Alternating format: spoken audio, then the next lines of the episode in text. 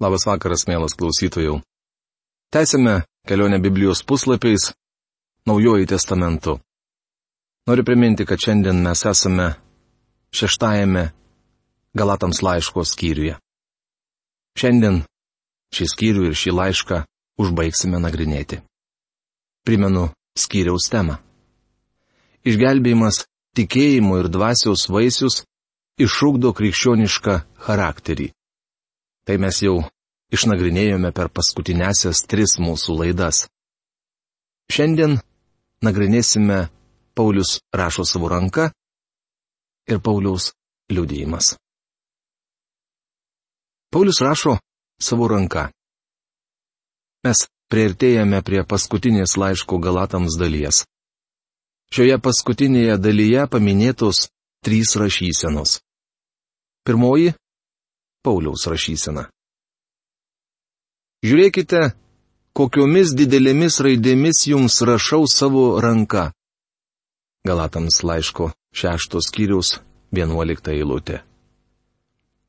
Kokiomis didelėmis raidėmis nereiškia, kad laiškas ilgas. Laišką Galatams sudaro tik šeši skyriai, kai tuo tarpu laiškas romiečiams, kuriame nagrinėjama ta pati tema, susideda iš šešiolikos skyrių. Taigi laiškas Galatams nėra ilgas. Tačiau Paulius sako, jog jis parašė didelėmis raidėmis, o tai prašo žmonės, kurių prastas regėjimas.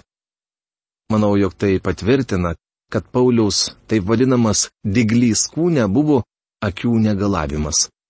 Skaitykite antrą laišką korintiečiams 12 skyrių 7 eilutę. Jei paminate, anksčiau jis rašė. Juk aš galiu paliudyti, kad įmanydami jūs būtumėte išsilupę akis ir atidavę man. Galatans laiško ketvirtos skyriaus penkiolikta eilutė. Esu tikras, jog Paulius sirgo rimta akių lyga. Laišką romiečiams Paulius diktavo sekretoriui. Baigdamas laišką, Paulius sekretoriui pasakė, Dabar, jei nori parašyti savo sveikinimus, gali tai padaryti. Todėl romiečiams 16 skyriaus 22 eilutėje randame sekretoriaus sveikinimą. Aš, Tercijus, šio laiško surašytojas, sveikinu jūs viešpatyje. Tačiau, rašydamas Galatams, Paulius buvo piktas. Jį pasiekė žinia, kad Galatai sumaišė Evangeliją su įstatymu. O kai taip vyksta, Dievo malonės Evangelija visiškai sunaikinama. Jis negalėjo laukti, kol atvyks sekretorius, todėl atsisėdo ir parašė jiems pats. Kadangi negalėjo aiškiai matyti, rašė didelėmis raidėmis. Kai studijavau Šekspyrą, mums dėstė labai sumanus klasikinės filosofijos specialistas tačiau jis buvo silpnaregis. Per paskaitą jis prisikiždavo knygą savo prie nosies ir skaitydamas vedžiodavo ją į kairę ir dešinę. Vertindamas mūsų rašomuosius darbus, jis paraštėje didelėmis raidėmis užrašydavo savo pastabas. Pastabos būdavo trumpos, nes jo parašyti žodžiai užėmė daug vietos. Panašu, jog Pauliaus rašysena buvo tokia pati. Pauliaus liudėjimas. Žmonės, kurie nori įsigyti gerą vardą išoriniais dalykais, verčia jūs apsipjaustyti, kad jiems netektų būti persekiojamiems dėl Kristaus kryžiaus. Galatams laiško šeštos skyrius dvylikta eilutė. Pabrėždami apsipjaustimą tarp pagonių ir versdami juos taip elgtis, judaizmo šalininkai tikėjosi išvengti netikinčių žydų pykčio ir rūstybės. Judaizmo gynėjai buvo tų dienų legalistai. Iš tiesų, pamokslaudamas legalizmą, nesusilauksi jokių nemalonumų. Tai patrauklu kūniškam žmogui, nes įstatymas duotas jam sutramdyti. Daugelis mūsų yra tvirtai įsitikinę, jog kito žmogaus senoji prigimtis turi būti pažabota. Vieną dieną viešoje vietoje kalbėjausi su žmogumi, kai per pavojingą sankryžą maždaug 75 mylių per valandą greičiu pralėkė jaunuolis. Ta žmogus norėjo vaikiną suimti ir pasodinti kalėjimą. Jis norėjo, kad jaunuolis būtų priverstas paklusti įstatymui. Šis žmogus atmetė Dievo malonę. Jis buvo neišgelbėtas, tačiau tvirtai gynė legalizmą. Kiekvienas žmogus nori, kad kiti paklustų įstatymui. Atvirai kalbant, mums taip pat patinka įstatymai, kuriems galime paklusti. Kai mokiausi mokykloje, šokinėjau į aukštį. Tais laikais mes pradėdavome nuo 3,5 pėdos aukščio šuolio. Sunkiau sekėsi šokti į 4 pėdų aukštį. Treniruojantis, kartelę pritvirtinau 4 pėdų aukštyje. Taip dauguma žmonių elgesi ir su legalizmu. Jie nori įveikti kliūtį, tačiau nenori, kad ji būtų jiems per sunki. Legalizmas populiarus, o Dievo malonė nepopuliari. Žmogaus širdžiai jį atstuminti. Tai kryžiaus papiktinimas. Bet ir apipjaustimo šalininkai patys nesilaiko įstatymo, o ten nori jūsų apipjaustimo, kad galėtų pasigirti jūsų kūnu. Galatams laiško šeštos skyriaus 13 eilutė. Versdami pagonis apsipjaustyti, judaizmo šalininkai galėtų pasigirti tuo, kad padarė juos pavaldžius įstatymui. Įdomu, jog tie, kurie skelbėsi gyvena įstatymų valdžioje, iš tiesų negyvena pagal įstatymą. Daugelis žmonių tvirtinančių, jog gyvena pagal kalno pamokslą, veidmainiai. Žinau, jog tai tiesa, nes patyriau tai savo tarnavime. Noriu Jums papasakoti vieną atsitikimą, kuris įvyko prieš daug metų oficialių pusryčių metu Nešvilio priekybos rūmose Tenesio valstijoje.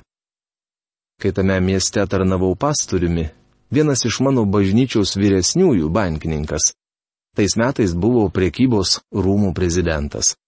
Jis pakvietė mane pasakyti kalbą susirinkusiesiems. Tuo laiku aš buvau jaunas pastorius, net nebuvau vedęs ir tai buvo mano pirmasis pastoriaus darbas. Atvykau anksti, o vienas iš valdininkų jau stovėjo prie kalbėtojo stalo. Mes pradėjome šnekučiuotis. Niekada gyvenime nebuvau girdėjęs, kad kas keiktųsi daugiau už jį. O juk esu bendravęs su tikrais keiksmų žinovais. Aš jam nepriekaištavau ir leidau kalbėti. Baigiantis mūsų pokalbį jis paklausė, Beje, kuo jūs užsijimate? Atsakiau, jog esu pamokslininkas. Jis nustebęs pažvelgė į mane ir pasiteiravo. Ar jūs šiandien kalbėsite? Kai atsakiau, jog taip, jis iš karto pradėjo kitaip elgtis. Jis tarė, kaip malonu, kad atvykote. Noriu, kad žinotumėte, jog aš taip pat esu krikščionis. Tai buvo tikrai didelė naujiena, nes sprendžiant pagal tai, kaip jis kalbėjo, niekada nebūčiau netitaręs. Tuomet jis papasakojo dar daugiau. Pasirodo, jis labai madingos bažnyčios nešvilyje tarnautojas. Jis papasakojo man apie visus savo nuveiktus nuostabius darbus ir pabaigai pasakė, kalno pamokslas man šventas dalykas. Aš atsakiau gerai, puiku. Paspaudžiau jam ranką ir pasidomėjau. Na ir kaip jums sekasi? Jis suglumo.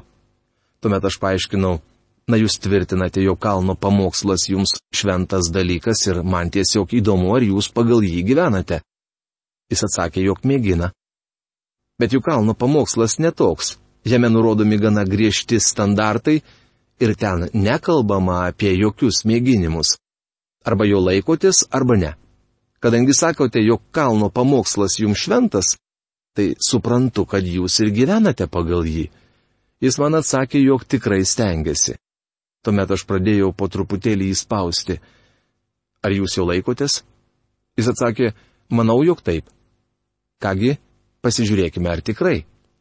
Viešpats Jėzus kalbėjo, kad jei pyksti ant savo brolio, esi kaltas dėl žmogžudystės. Kaip jums sekasi vykdyti šią dalį? Jis sudvėjojo, na čia man netaip lengva, tačiau manau, jog susitvarkau. Kągi, pabandykime pakalbėti apie dar vieną įsakymą, kurio standartus viešpats Jėzus pakėlė iki kraštutinumo. Jis kalbėjo, kad jei gaidulingai žiūri į moterį, esi kaltas dėl svetimavimo. Kaip sekasi vykdyti šį įsakymą? Jis atsiliepė, na čia turbūt užkipčiau. Aš taip ir maniau. Todėl pasakiau, matote, jūs nesilaikote kalno pamokslo. Jūsų vietoje pakeiščiau savo šventą dalyką kitu ir pasirinkčiau tokį, kurio galėčiau laikytis. Ar suprantate, koks buvo tas žmogus? Jis buvo veidmainis. Visiems kalbėjo, kad gyvena pagal kalno pamokslą, tačiau laužė jo įsakymus kiekviename žingsnyje. Jam reikėjo Dievo malonės. Šiandien daugelie bažnyčių yra daugybė į jį panašių žmonių.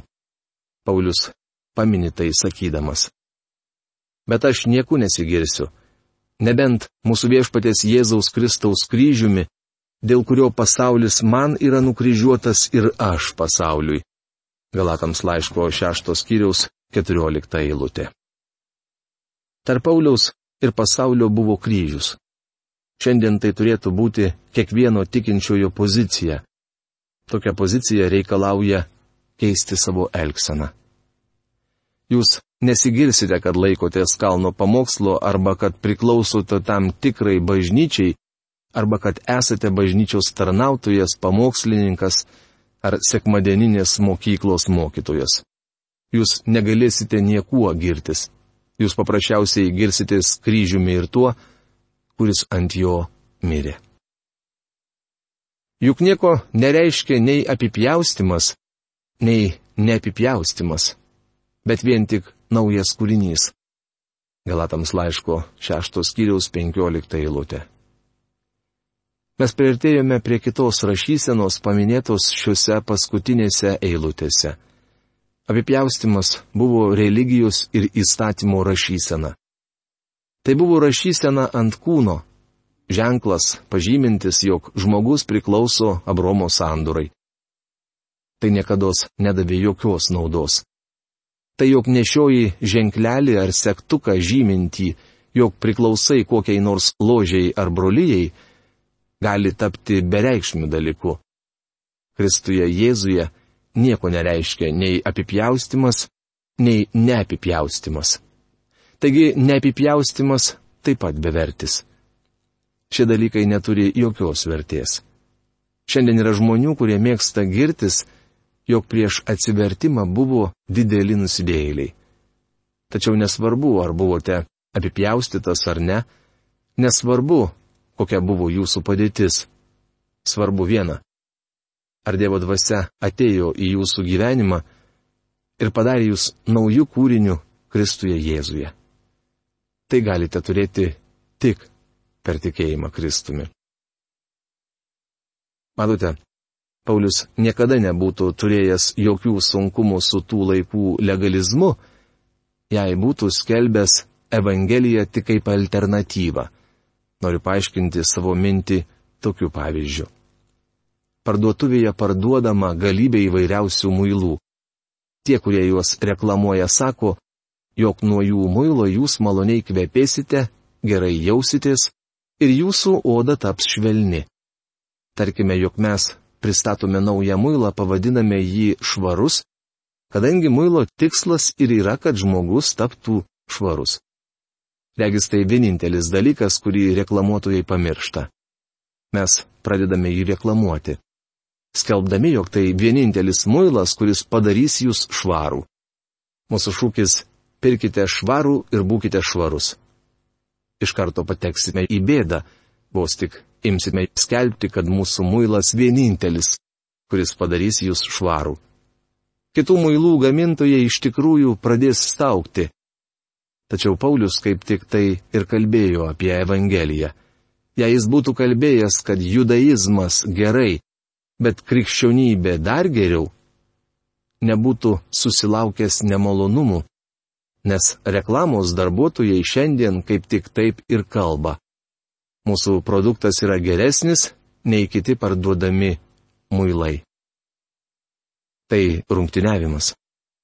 Ne vienas neišdrįstų pasakyti, kad jų muilas vienintelis, galintis iš tikrųjų atlikti savo paskirtį. Atkreipkime dėmesį, jog Paulius nesako, kad Evangelija tik truputį geresnė už judaizmą. Jis teigia, kad judaizmas yra niekas, kad apipjaustimas yra niekas, kad nieko nereiškia, ar esi apipjaustytas ar neapipjaustytas. Jis sako, jog svarbu tik šventosios dvasios rašysena tavo gyvenime. Jos duota nauja prigimtis. Mano draugė, aiškiau pasakyti turbūt ir neįmanoma. Dabar panagrinėsime trečią ir paskutinę rašyseną, kuri pateikiama šioje laiško dalyje. Visiems, kurie laikysi šios taisyklės, te ateinė ramybė ir pasigailėjimas, taip pat ir Dievo Izraeliui. O nuo šiol, tegu niekas manęs nebevargina, nes savo kūnę nešioju Jėzaus žymes. Galatams laiško 6 skyriaus 16-17 eilutės. Atkreipkite dėmesį į žodį žymės. Paulius rašo, savo kūnę nešioju žymes. Tai graikų kalbos žodis stigmata, kuris reiškia randų žymės. Jei nori pamatyti Jėzaus rašyseną, pažvelg į Pauliaus kūną. Antrame laiške korintiečiams, 11 skyriaus 23-27 eilutėse jis rašo. Jie Kristaus tarnai? Iš kvailumo sakau, aš juo labiau. Aš daug daugiau įdėjau triūso, kur kas daugiau kalėjau. Esu gavęs nepalyginti daugiau rykščių ir daugel kartų buvęs mirties pavojuje. Nuo žydų gavau penkis kartus po keturiasdešimt be vieno kirčio. Tris kartus gavau lasdų. Vieną kartą buvau apsvaidytas akmenimis. Tris kartus pergyvenau laivo sudužimą ištisą parą plūduriavau atviroje jūroje. Dažnai būdavau kelionėse, upių pavojuose, pavojuose nuo plėšikų, pavojuose nuo savo tautiečių, pavojuose nuo pagonių, miesto pavojuose, dikumos pavojuose, jūros pavojuose, pavojuose nuo netikrų brolių. Man teko daug triūsti ir vargti, dažnai būdėti naktimis badauti ir trokšti, dažnai pasninkauti, dažnai kesti šalti ir nuogumą. Stigmata buvo Pauliaus kentėjimai, kuriuos jis kentė dėl viešpatės Jėzaus. Pauliaus dienomis stigmata buvo naudojama trimis būdais. Kai rasdavo pabėgusi vergą ir jį gražindavo šeimininkui, kaktoje jam įdegindavo žymę taip pat kareiviams, kurie priklausė garsioms kuopoms, jų vadų vardus ištatuiruodavo ant kaktų. Pasišventus jie į pagonių deiviai, Pauliaus laikais mažojoje Azijoje ir visoje Romos imperijoje tai buvo plačiai paplitęs dalykas, kaktoje turėdavo jos vardo įspaudą. Paulius rašo, savo kūnę nešioju viešpatės Jėzaus stigmatą Iš tiesų jis turi omenyje štai ką. Prašiau jums labai susijaudinęs ir su giliu įsitikinimu. Jei abejojate, ar tikrai tikiu tuo, ką jums parašiau, ir ar šie dalykai realūs mano gyvenime, skaitykite mano kūną. Pažvelkite į mano randus. Kai buvau mažas, gyvenau vakarų Teksase. Tuo metu dar nebūdavo daug tvorų ir mes atpažindavome galvijus pagal jų savininko žymę. Mano draugė, apipjaustimas nieko nekainuoja. Tai yra išorinis ženklas. Paulius sako, jog tai niekas, nors pats buvo apipjaustytas. Tačiau savo kūne ir savo gyvenime jis nešiojo viešpatės Jėzaus žymes. Tikiu, jog mūsų laikais viešpats Jėzus vis dar pasilenkia kad ką nors parašytų tik ne ant šventyklos grindų smėlio, bet jam priklausančių žmonių gyvenimuose. Jo įspaudas amžiams pasilieka mūsų širdyse. Ar mes išdidžiai nešiojame jo stigmatą, su džiaugsmu pakesdami paniekinimą dėl Jėzaus.